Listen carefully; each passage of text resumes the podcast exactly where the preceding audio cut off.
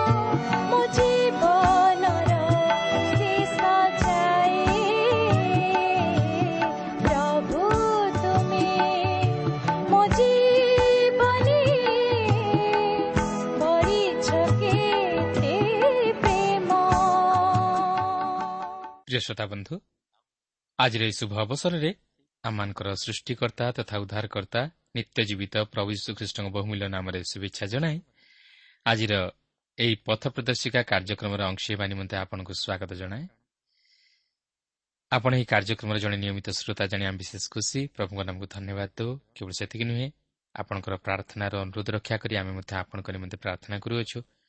ଆଉ ସେ ପ୍ରଭୁ ଯୀଶୁ ନିଶ୍ଚିତ ଭାବରେ ଆପଣଙ୍କୁ ସୁସ୍ଥତା ଦେବେ। ତାହେଲେ ଆସନ୍ତୁ ପ୍ରଭୁ ଆଜି ଆମମାନଙ୍କୁ ଏହି ଯେଉଁ ସୁବର୍ଣ୍ଣ ସୁଯୋଗ ଦେଇଅଛନ୍ତି ଏହି ସୁଯୋଗର ସଦ୍ବ୍ୟବହାର କରୁ କରୁ ପ୍ରଭୁଙ୍କର ବାକ୍ୟ ମଧ୍ୟ ଦେଇ ଆମେ ତାହାଙ୍କର ସ୍ୱର ଶୁଣିବା ପାଇଁ ଚେଷ୍ଟା କରିବା। ଆଉ ସେହି ବାକ୍ୟ ଅନୁଯାୟୀ ନିଜର ଜୀବନକୁ ସମୀକ୍ଷା କରି ତଦନୁଯାୟୀ ବାକ୍ୟର କାର୍ଯ୍ୟକାରୀ ହେବା ନିମନ୍ତେ ଚେଷ୍ଟା କରିବା। ଆସନ୍ତୁ ପ୍ରଭୁଙ୍କର ବାକ୍ୟ ମଧ୍ୟକୁ ଯିବା ପୂର୍ବରୁ ସଂକ୍ଷେପରେ ପ୍ରାର୍ଥନା କରିବା। ପବିତ୍ର ପ୍ରଭୁ ଧନ୍ୟବାଦ କରୁଅଛି ସୁନ୍ଦର ସମୟ ପାଇଁ ତୁମର ଜୀବନ୍ତ ବାକ୍ୟ ପାଇଁ। ପ୍ରଭୁ ତୁମର ବାକ୍ୟ ମଧ୍ୟ ଦେଇ ତୁମେ ଆଜି ଆମ ପ୍ରତ୍ୟେକ ସହିତ କଥା କୁହ। ତୁମର ପବିତ୍ର ଉପସ୍ଥିତି ଆମମାନଙ୍କୁ ଉପଲବ୍ଧି କରିବା ପାଇଁ ଦିଅ। ପ୍ରତ୍ୟେକ ଶ୍ରୋତାବନ୍ଧୁମାନଙ୍କୁ ତୁମେ ଆଶୀର୍ବାଦ କରି ସେମାନଙ୍କର ସମସ୍ତ ମନସ୍କାମନା ତୁମେ ପୂର୍ଣ୍ଣ କର। ପ୍ରତ୍ୟେକଙ୍କର ସହିତ ପରମେଶ୍ୱର ତୁମେ ହୁଅ। ଏହି ସମସ୍ତ ପ୍ରାର୍ଥନା ପ୍ରିୟ ପ୍ରଭୁ ଯୀଶୁଙ୍କ ନାମରେ ଏହି ଅଳ୍ପ ଭିକ୍ଷା ମାଗୁଅଛୁ। ଆମେନ୍।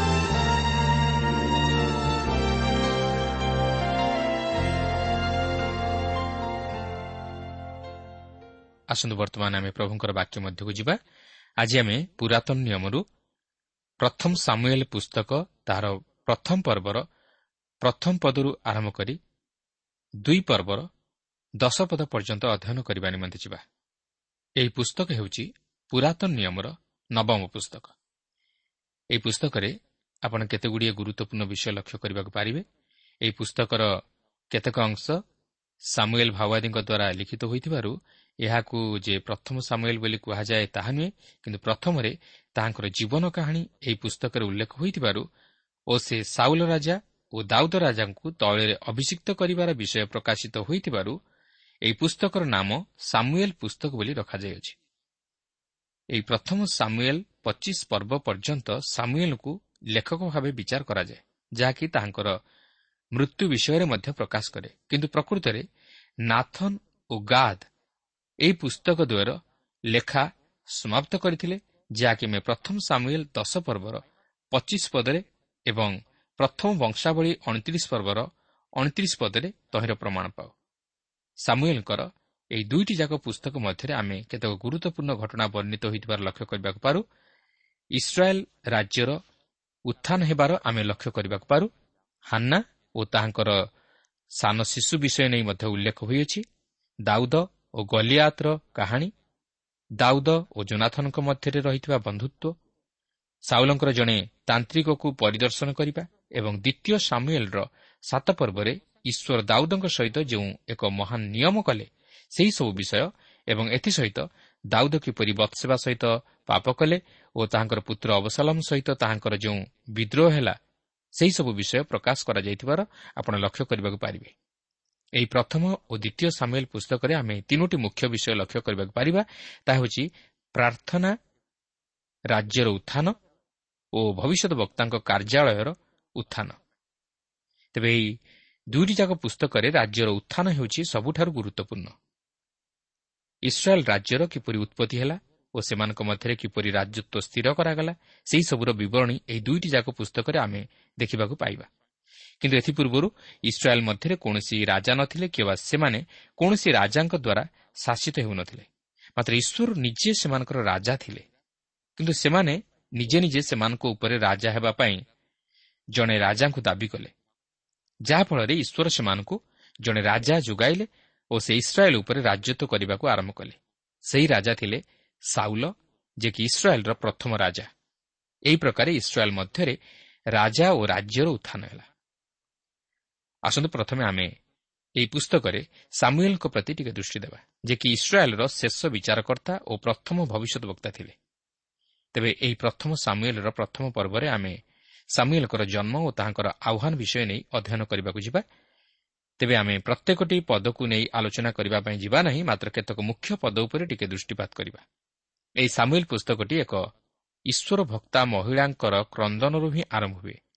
ଯେତେବେଳେ ଲୋକମାନେ ଜଣେ ରାଜା ପାଇବା ନିମନ୍ତେ କ୍ରନ୍ଦନ କଲେ ସେତେବେଳେ ହାନ୍ନା ଏକ ସନ୍ତାନ ପାଇବା ନିମନ୍ତେ ଈଶ୍ୱରଙ୍କ ନିକଟରେ କ୍ରନ୍ଦନ କଲେ।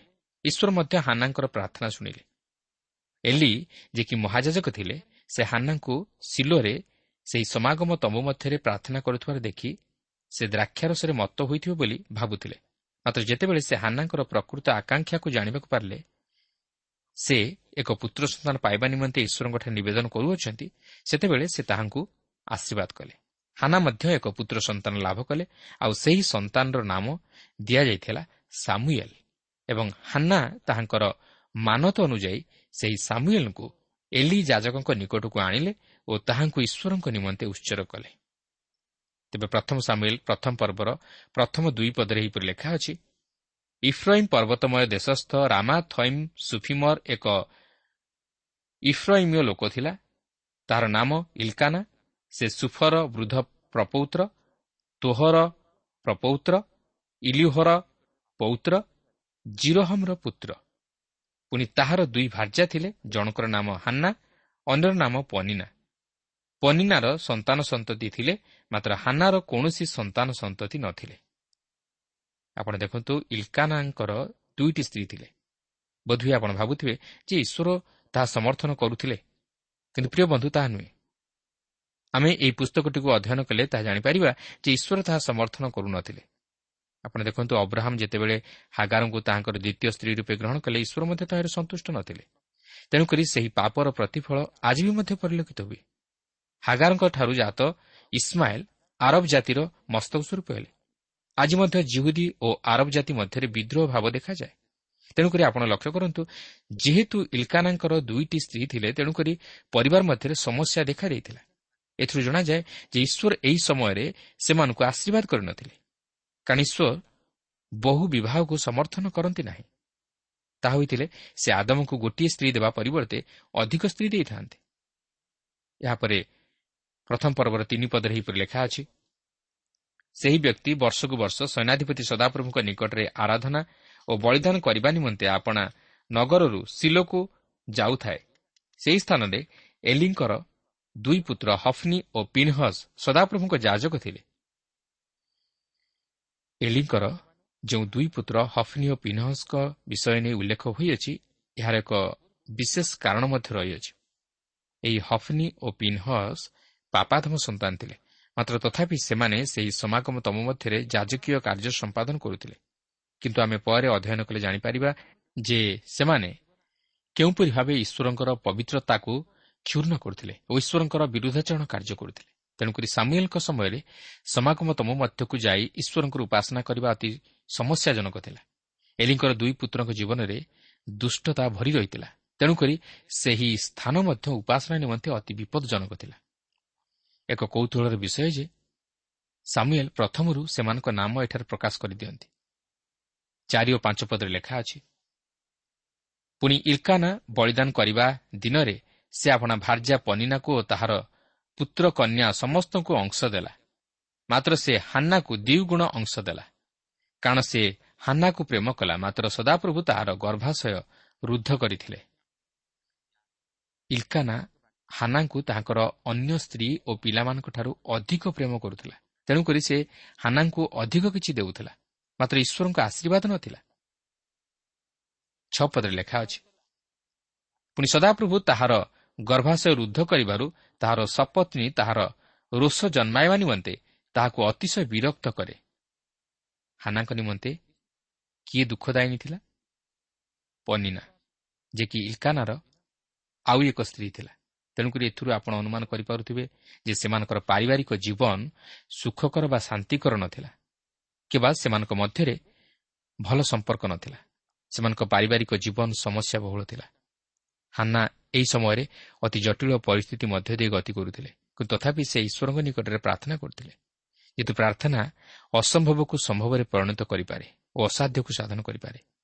ହାନା ତାହାଙ୍କର ସମସ୍ୟା ଏପରିକି ନିଜର ସ୍ୱାମୀକୁ ମଧ୍ୟ ଜଣାଉ ନଥିଲେ ମାତ୍ର ସେ ଈଶ୍ୱରଙ୍କ ନିକଟରେ ପ୍ରାର୍ଥନାର ସହିତ ନିଜର ସମସ୍ୟାକୁ ରଖିଥିଲେ। ଏହାପରେ ସାତ ପଦରୁ ଏଗାର ପଦ ମଧ୍ୟରେ ଆମେ ଦେଖୁ ଯେ ହାନା ତିକ୍ତମନା ହୋଇ ସଦାପ୍ରଭୁଙ୍କ ନିକଟରେ ପ୍ରାର୍ଥନା କରିବା ଦ୍ୱାରା ଆପଣ ବୁଝିପାରୁଥିବେ ଯେ ହାନା ଏକ ସନ୍ତାନ ନ ପାଇବା ଦ୍ୱାରା କେତେ ଦୂର ଦୁଃଖରେ ଭାଙ୍ଗି ପଡ଼ିଥିଲେ। ତେଣୁ ସେ ଏକ ପୁତ୍ର ସନ୍ତାନ ନିମନ୍ତେ ପ୍ରାର୍ଥନା କଲେ ଓ ଯଦି ସେହି ପ୍ରାର୍ଥନାର ଉତ୍ତର ମିଳେ ତାହେଲେ ସେ ଦୁଇଟି ବିଷୟ ସାଧନ କରିବେ ବୋଲି ଈଶ୍ୱରଙ୍କ ନିକଟରେ ପ୍ରତିଜ୍ଞା କରିଥିଲେ। ଆଉ ସେହି ଦୁଇଟି ବିଷୟ ହେଲା ପ୍ରଥମତଃ ସେ ସେହି ପୁତ୍ର ସନ୍ତାନକୁ ଯାଜକୀୟ ସେବା ନିମନ୍ତେ ଉଚ୍ଚର କରିବେ। ଦ୍ୱିତୀୟତଃ ସେ ତାହାଙ୍କୁ ଏକ ନାଶରୀୟ ଭାବେ ବଢ଼ାଇବେ। ତାହାର ଅର୍ଥ ହେଉଛି ଈଶ୍ୱରଙ୍କ ସେବା ନିମନ୍ତେ ସେ ତାହାକୁ ସମ୍ପୂର୍ଣ୍ଣ ଉତ୍ସର କରିବେ।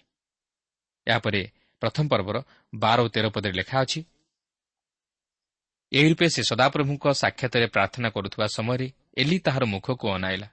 ସେ ସମୟରେ ହାନ୍ନା ଆପଣା ମନେ ମନେ କଥା କହୁଥିଲା କେବଳ ତାହାର ଓଷ୍ଠ ହଲୁଥିଲା ମାତ୍ର ତାହାର ରବ ଶୁଣାଯାଉନଥିଲା ତେଣୁ ସେ ମତ ହୋଇଥିବ ବୋଲି ଏଲି ବିଚାର କଲେ। ଦେଖନ୍ତୁ ଏଲି ମହାଯାଜକ ଥିଲେ ଆଉ ସେ ଏହି ହାନାଙ୍କୁ ସମାଗମ ତମ ମଧ୍ୟକୁ ଆସି ପ୍ରାର୍ଥନା କରୁଥିବାର ଦେଖିଲେ। ସେ ହାନାଙ୍କର ମୁଖକୁ ଅନାଇ ଦେଖିଲେ ଯେ ତାହାଙ୍କର ଓଷ୍ଠ କେବଳ ହଲୁଛି ମାତ୍ର ସେ କ'ଣ କହୁଛନ୍ତି ତାହା ଶୁଣାଯାଉ ନାହିଁ ତେବେ ଲକ୍ଷ୍ୟ କରନ୍ତୁ ଏଲିଙ୍କର ପ୍ରତିକ୍ରିୟା ଯାହାକି ସେହି ସମୟର ପରିସ୍ଥିତିକୁ ଉପସ୍ଥାପିତ କରେ।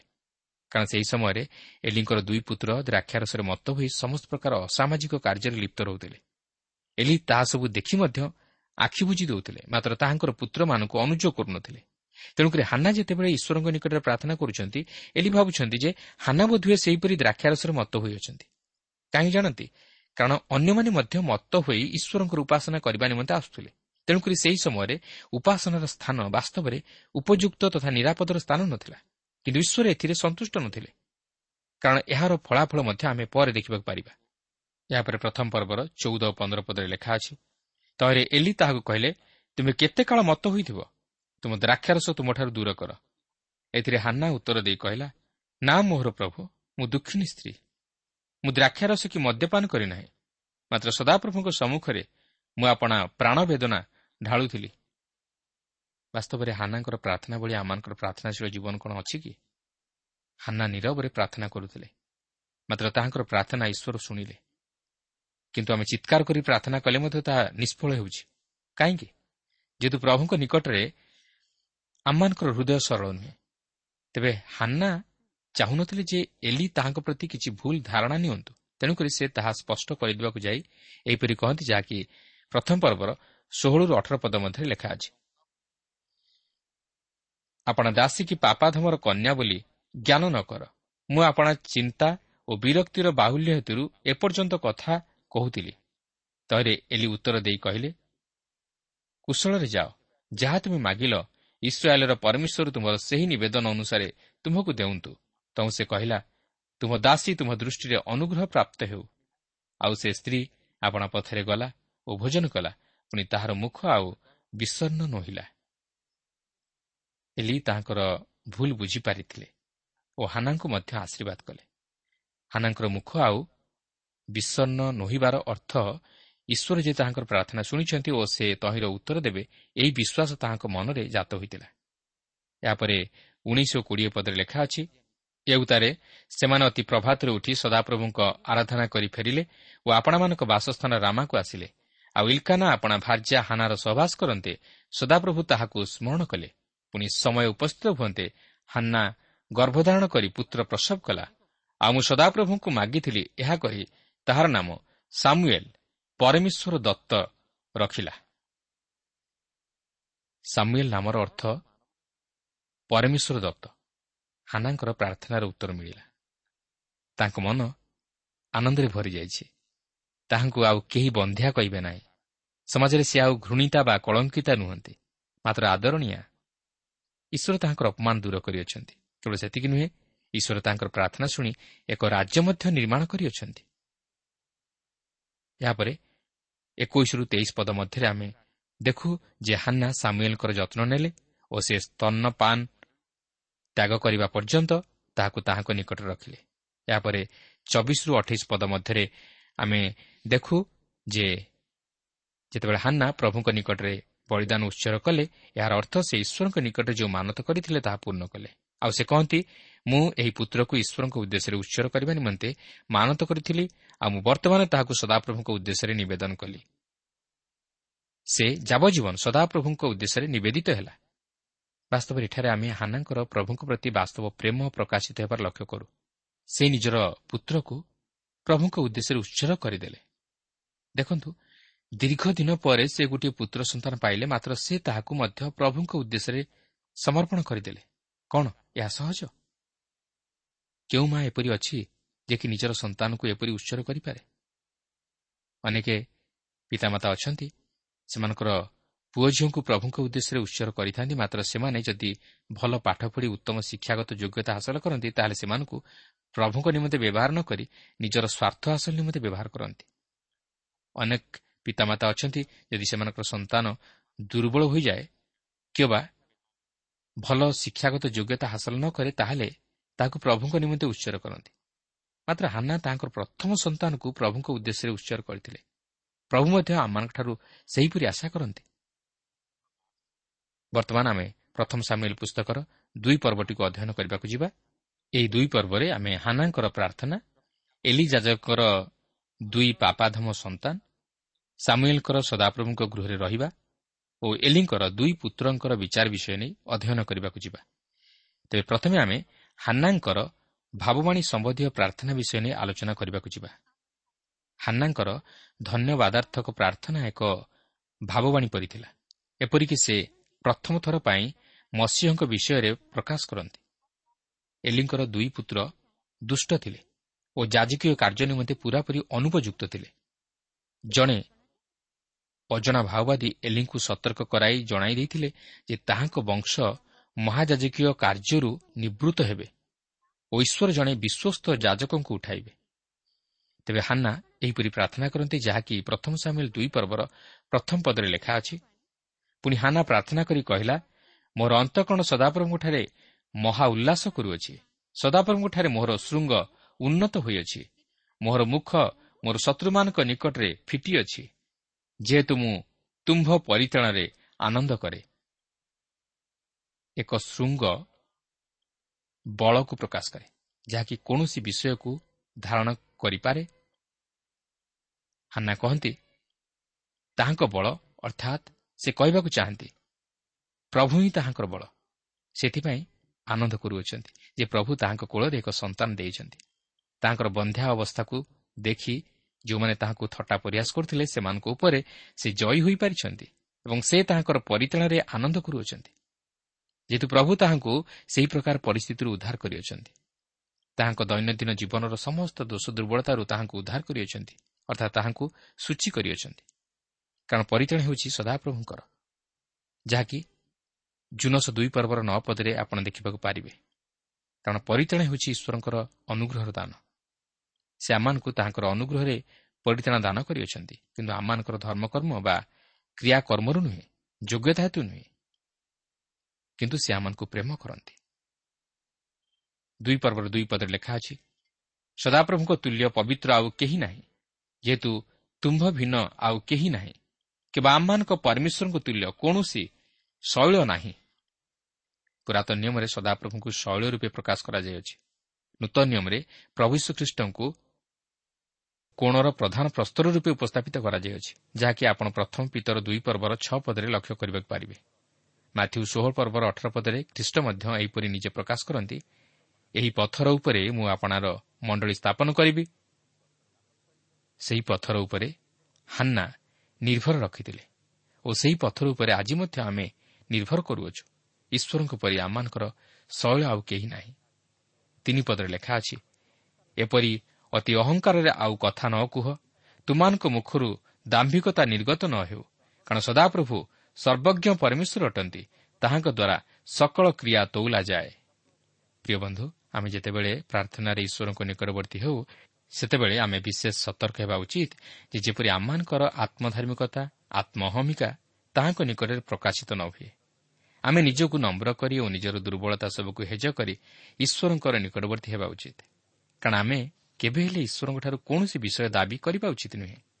ଅନେକ ଅଛନ୍ତି ଯେଉଁମାନେ କି ଈଶ୍ୱରଙ୍କୁ ପ୍ରଶ୍ନ କରନ୍ତି ଓ କାହିଁକି ସେମାନଙ୍କର ପ୍ରାର୍ଥନାର ଉତ୍ତର ଦେଉନାହାନ୍ତି କହି ତାହାଙ୍କୁ ପଚାରନ୍ତି କିନ୍ତୁ କାହିଁକି? ଆମେ ତାହାଙ୍କ ନିମନ୍ତେ କ'ଣ କରୁଛୁ ଯେ ଆମେ ତାହାଙ୍କଠାରୁ ଦାବି କରିବା ବା ତାହାଙ୍କୁ ପ୍ରଶ୍ନ କରିବା? ସେ ଆମ ଇଚ୍ଛାରେ ଚାଲିବେ ନା ଆମେ ତାହାଙ୍କ ଇଚ୍ଛାରେ ଚାଲିବା? ହଁ ଯଦି ଆପଣ ପ୍ରଭୁ ଯୀଶୁଖ୍ରୀଷ୍ଟଙ୍କୁ ଉଦ୍ଧାରକର୍ତ୍ତା ରୂପେ ଗ୍ରହଣ କରିଅଛନ୍ତି ତାହେଲେ ଆପଣ ଈଶ୍ୱରଙ୍କ ନିକଟରେ ଦାବି କରିପାରିବେ ଓ ଆପଣ ପ୍ରଭୁ ଯୀଶୁଖ୍ରୀଷ୍ଟଙ୍କ ନାମରେ ତାହାଙ୍କ ନିକଟକୁ ଆସିପାରିବେ। ଓ ସେ ଆପଣଙ୍କୁ ଖ୍ରୀଷ୍ଟଙ୍କ ମାଧ୍ୟମରେ ତାହା ପ୍ରଦାନ କରିବେ। ଆପଣଙ୍କର ଦାବିର ସହିତ ପ୍ରାର୍ଥନା ଖ୍ରୀଷ୍ଟଙ୍କ ମାଧ୍ୟମରେ ଓ ଈଶ୍ୱରଙ୍କର ଇଚ୍ଛା ଅନୁଯାୟୀ ହେବା ଉଚିତ। ତାହେଲେ ଆପଣ ଆପଣଙ୍କ ପ୍ରାର୍ଥନାର ଉତ୍ତର ପାଇପାରିବେ। ଏହାପରେ ଚାରିପଦରୁ ଛଅ ପଦରେ ଲେଖା ଅଛି ବୀରମାନଙ୍କର ଧନୁ ଭଙ୍ଗାଯାଇଅଛି ଓ ଝୁଣ୍ଟି ପଡ଼ିବା ଲୋକମାନଙ୍କର କଟି ବଳରେ ବନ୍ଧାଯାଇଅଛି। ଯେଉଁମାନେ ପରିତୃପ୍ତ ଥିଲେ ସେମାନେ ଆପେ ଖାଦ୍ୟ ନିମନ୍ତେ ବେତନଜୀବୀ ହୋଇଅଛନ୍ତି।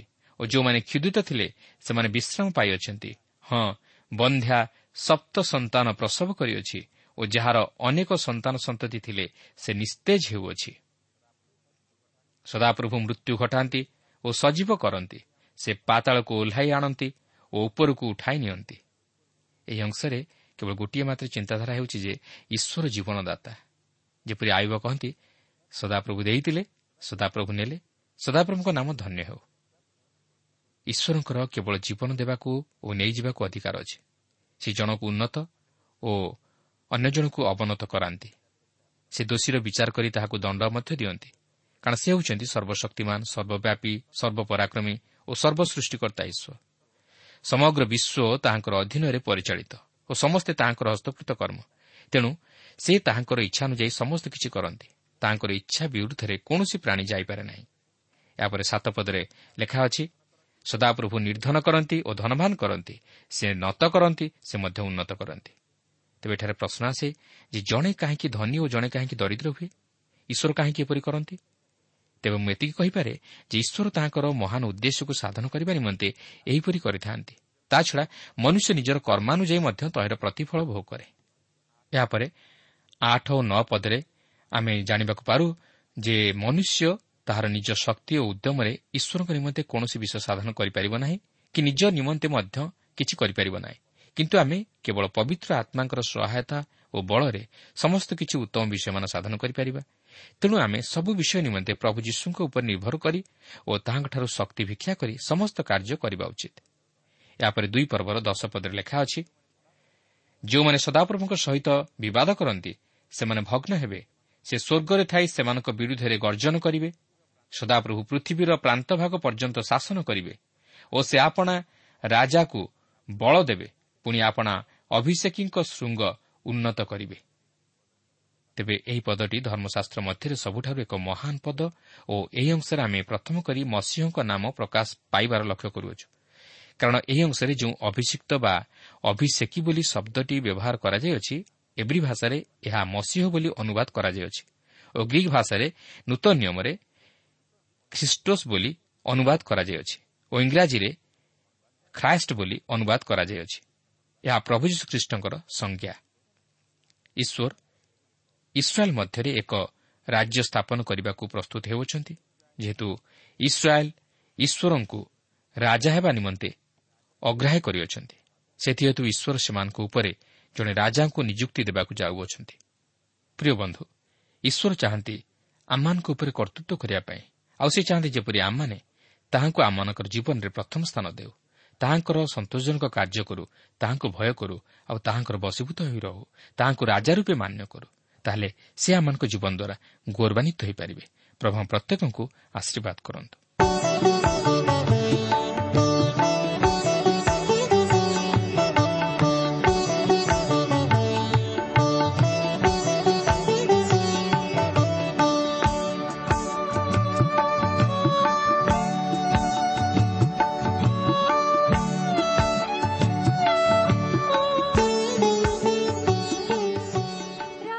ଶ୍ରୋତା ଆପଣ ଈଶ୍ୱରଙ୍କ ବାକ୍ୟ ଶୁଣିବା ନିମନ୍ତେ ସମୟ ଦେଇଥିବାରୁ ଆମେ ଧନ୍ୟବାଦୀ।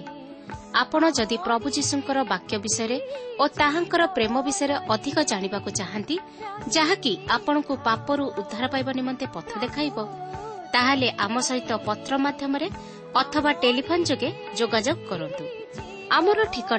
ପଥ ପ୍ରଦର୍ଶିକା Trans World Radio India post box number ତିନି ତିନି ଭୁବନେଶ୍ୱର ସାତ ପାଞ୍ଚ ଏକ ଶୂନ ଶୂନ ଏକ mobile number nine seven double seven double two one four one five ଠିକଣାଟି ଆଉଥରେ ଶୁଣନ୍ତୁ ପଥ ପ୍ରଦର୍ଶିକା Trans World Radio India post box number three three Bhubaneswar seven five one zero zero one mobile number nine seven double seven double two one four one five ଆମର email ଆଡ୍ରେସ୍ଟି ଲେଖି ରଖନ୍ତୁ Odia TV at radio eight eight two dot com ତେବେ ଆଜି ପାଇଁ ଏଇଠାରେ ରଖୁଛୁ। ପ୍ରଭୁ ଯୀଶୁ ଆପଣଙ୍କୁ ଆଶୀର୍ବାଦ କରନ୍ତୁ। ନମସ୍କାର। ପ୍ରଭୁ ପ୍ରତି